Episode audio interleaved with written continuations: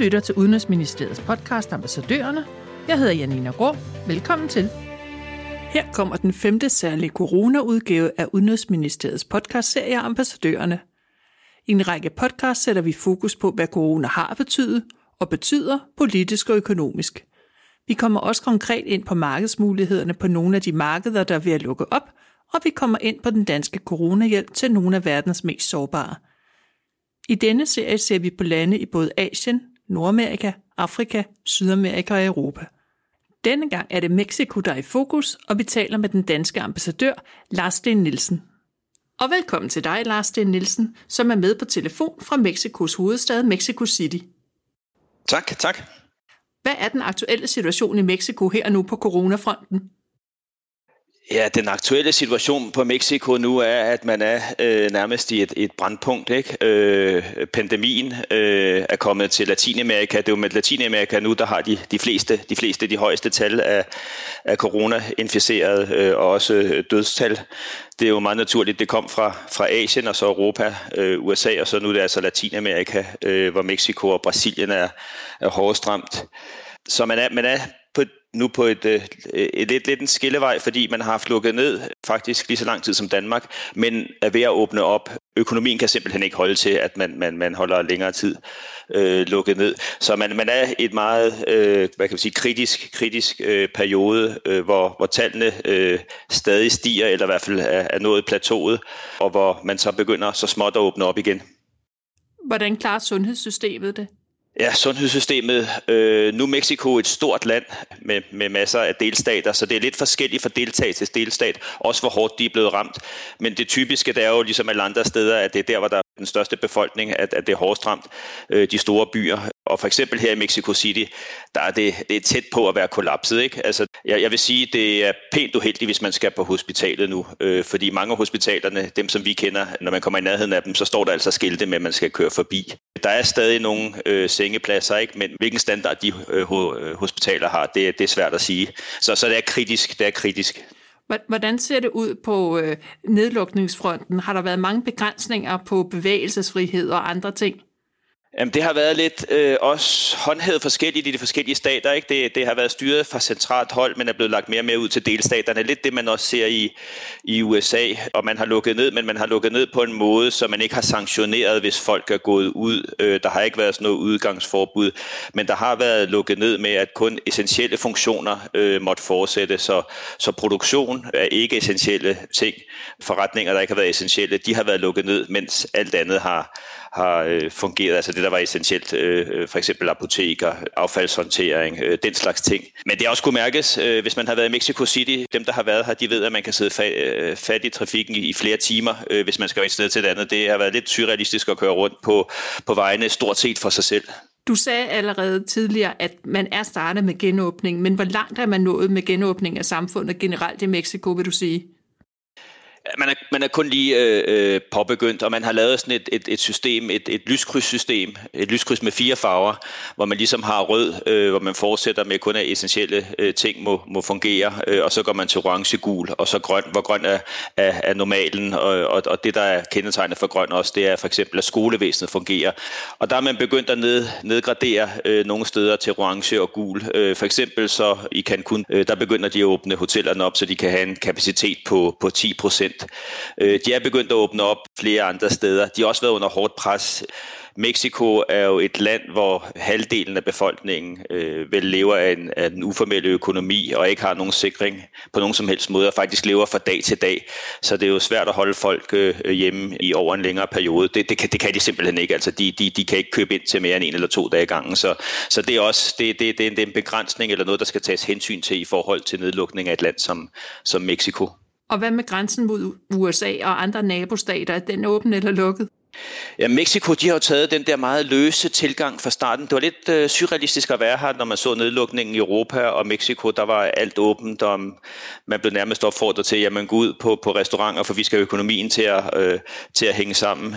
Mexico har aldrig på noget tidspunkt lukket ned selv. Øh, det har været nabolandene, der faktisk har, har lukket grænserne. Det har så været en aftale med USA, men, men det har givetvis været amerikanerne, der har ville lukke grænsen til Mexico for, for ikke essentiel transport, og, og ligeledes øh, de sydlige sydlige grænser til, øh, til Guatemala og Belize, de har også, de har også øh, været lukket mest på foranstaltning af de andre lande. Faktisk Mexico har været, været åben hele tiden, og der har været flyvninger fra Europa, fra Kina under, under hele, hele pandemien. Altså der er kommet fly ind fra Italien, fra, fra, fra, fra Kina, så, så, så det har været øh, selvfølgelig lidt, lidt, lidt bekymrende, men det har også været en, en kan man sige, i, i, i den sammenhæng, hvor vi sidder en kæmpe fordel for os. Som her i Mexico, der dækker vi 17 øh, andre lande i Mellemamerika og Karibien.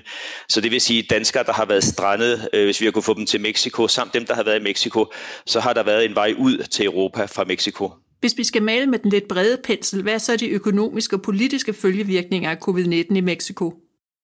De økonomiske, de er, de er helt indlysende. Mexico øh, vil blive hårdt ramt. Mexico er et, et, et stort industriland, et øh, stort øh, eksportland, så, så, så, så de vil blive hårdt ramt. De første estimater øh, siger en nedgang i, i BNP på en, en, en 7-8 procent, og det bliver måske værre. Der, hvor man nok skal holde øje med det, det er i forhold til USA. Mexico er ekstremt afhængig af USA. Faktisk USA's største handelspartner også, men, men, men for Mexikos vedkommende, der er USA øh, helt, helt, helt central med en eksport på, på 80 procent til, til USA. Så det kommer lidt an på, hvordan det også går i USA. Så man kan vel tage det, der det, der øh, sker i USA, og så lægge et par procent til øh, den negative vækst, det vil vel være det, der, der sker i Mexico. Så hvis der, amerikanerne havner på, et, på en negativ vækst på 6, så det er nok mod 8 procent her, ikke? Øh, og, og sådan noget lignende.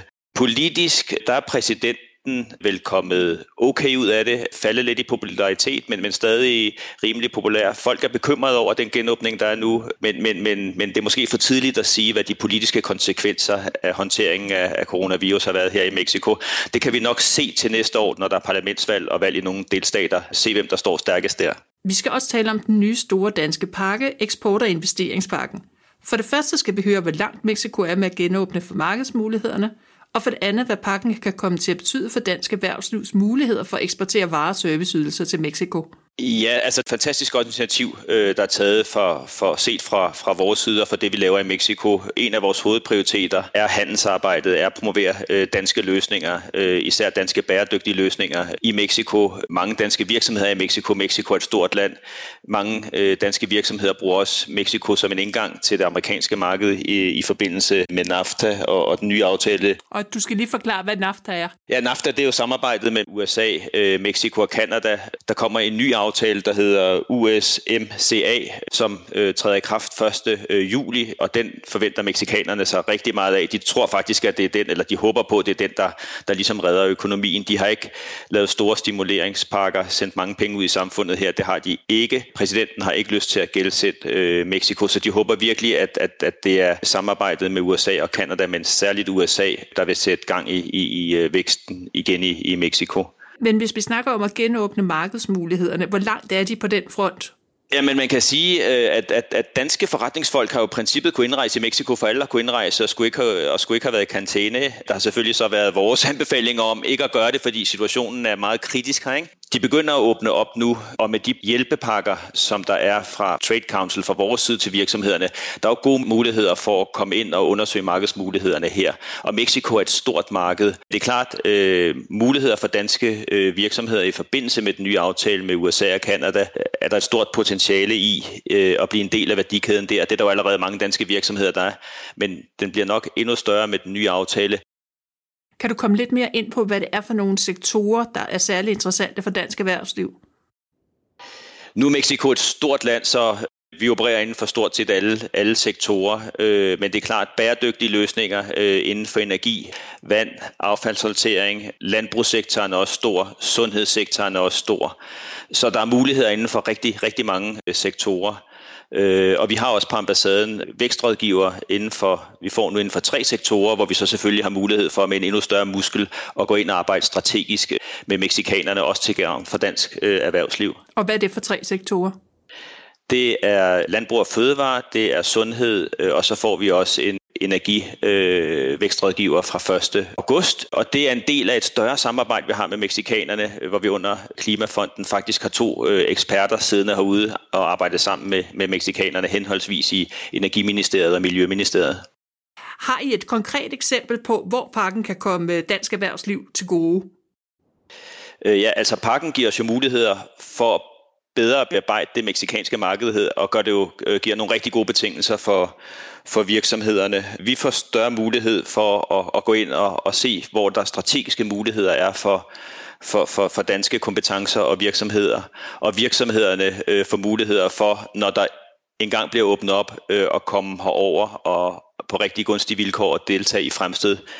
I mellemtiden så arbejder vi på nogle øh, virtuelle fremstød. Vi er i gang med et projekt med Dansk Industri, hvor vi prøver at se, hvordan vi kan få samlet virksomheder på begge sider øh, og få skabt en første dialog, så de allerede er bekendt med hinanden, inden danskerne eventuelt kommer over, eller meksikanerne tager en, tager en tur til Danmark, øh, så man ligesom kommer de første led igennem, øh, så de ved, hvilke kompetencer der er fra den ene side, og hvilke behov der er på, på den meksikanske side. Det håber vi kan spille. Øh, man kan lave rigtig meget øh, med teknologien, så, øh, så vi, vi prøver at, at sætte det ind som et første trin, så vi ikke, så vi ikke ligger på den stille side øh, hen over sommeren her, hvor det er rimelig urealistisk, at der er nogen, der, der, der rejser den ene og den anden vej, øh, på grund af, at, at, at Mexico Mexico og, og Latinamerika er jo de sidste i, øh, i hvad hedder det, corona, coronakrisen, og ingen selvfølgelig ved, om der kommer en genopblusning, øh, når man begynder at åbne endnu mere op. Jeg forstår, I faktisk også har haft rigtig travlt på handelssiden under coronakrisen. Er det rigtigt? Det er, det er helt rigtigt vi faktisk, jeg vil ikke sige været overrasket, men vi har især med de virksomheder, vi arbejder strategisk sammen med, der er vi blevet en, en, en meget central partner, også under coronakrisen her, fordi der har været mange ting under de ikke normale omstændigheder, som de har haft brug for vores assistance til, kontakt til myndighederne, udredning af, jamen, hvordan er beslutningsprocessen nu i Mexico, hvem bestemmer, hvornår genåbningen kommer, øh, hvordan bliver de forskellige indkøbsformer, hvordan bliver de forskellige regulative øh, ting. Så jeg vil faktisk sige, samtidig med, at vi har øh, hjulpet strandede danskere hjem, har vi haft lige så travlt i handelsafdelingen, som vi normalt har. Øh, måske bare med en anden type opgaver. Vi arbejder rigtig meget sammen med de danske virksomheder og interessenter øh, i forbindelse med ligesom at, at, at fastlægge, hvordan ser situationen ud i Mexico. Det har jo været sindssygt vigtigt for dem at kunne tage bestik af, jamen, hvornår øh, genåbner Mexico igen, hvornår kan produktion starte, hvornår kan de etablere sig, hvornår kan de få godkendt øh, produkter. Det har været rigtig, rigtig vigtigt i deres forretninger at finde ud af, jamen, hvordan ser det ud i forhold til Mexico. Og der har vi været en central partner i forhold til myndighedskontakten øh, og kontakten ud i de forskellige delstater det er klart, at, at når en økonomi den, den skrumper øh, med 8%, så skal vi selvfølgelig være dygtige til at finde ud af, hvad er det lige præcis af danske kompetencer, og helst bæredygtige kompetencer, som meksikanerne øh, har brug for. Øh, og så er der selvfølgelig, at, at, at øh, nogle af de ydelser, vi laver nu øh, med at hjælpe øh, mindre virksomheder i gang, jamen de er gratis, og andre er blevet væsentligt billigere. Øh, så vi forventer faktisk, at med de nye pakker og, og, og de nye øh, gode tiltag for Trade Council, vi får endnu mere travlt, så, så man skal skynde sig lidt, hvis, øh, hvis man skal til Mexico. Øh, ej, spøj til side, vi, vi hjælper selvfølgelig i alle øh, og, og skal nok sørge for, at ressourcerne er her. Og her til sidst, når du om 10 år tænker tilbage på foråret 2020, er der så en speciel historie, du vil huske? Uff, ja, der, der, der er nok mange ting, ikke?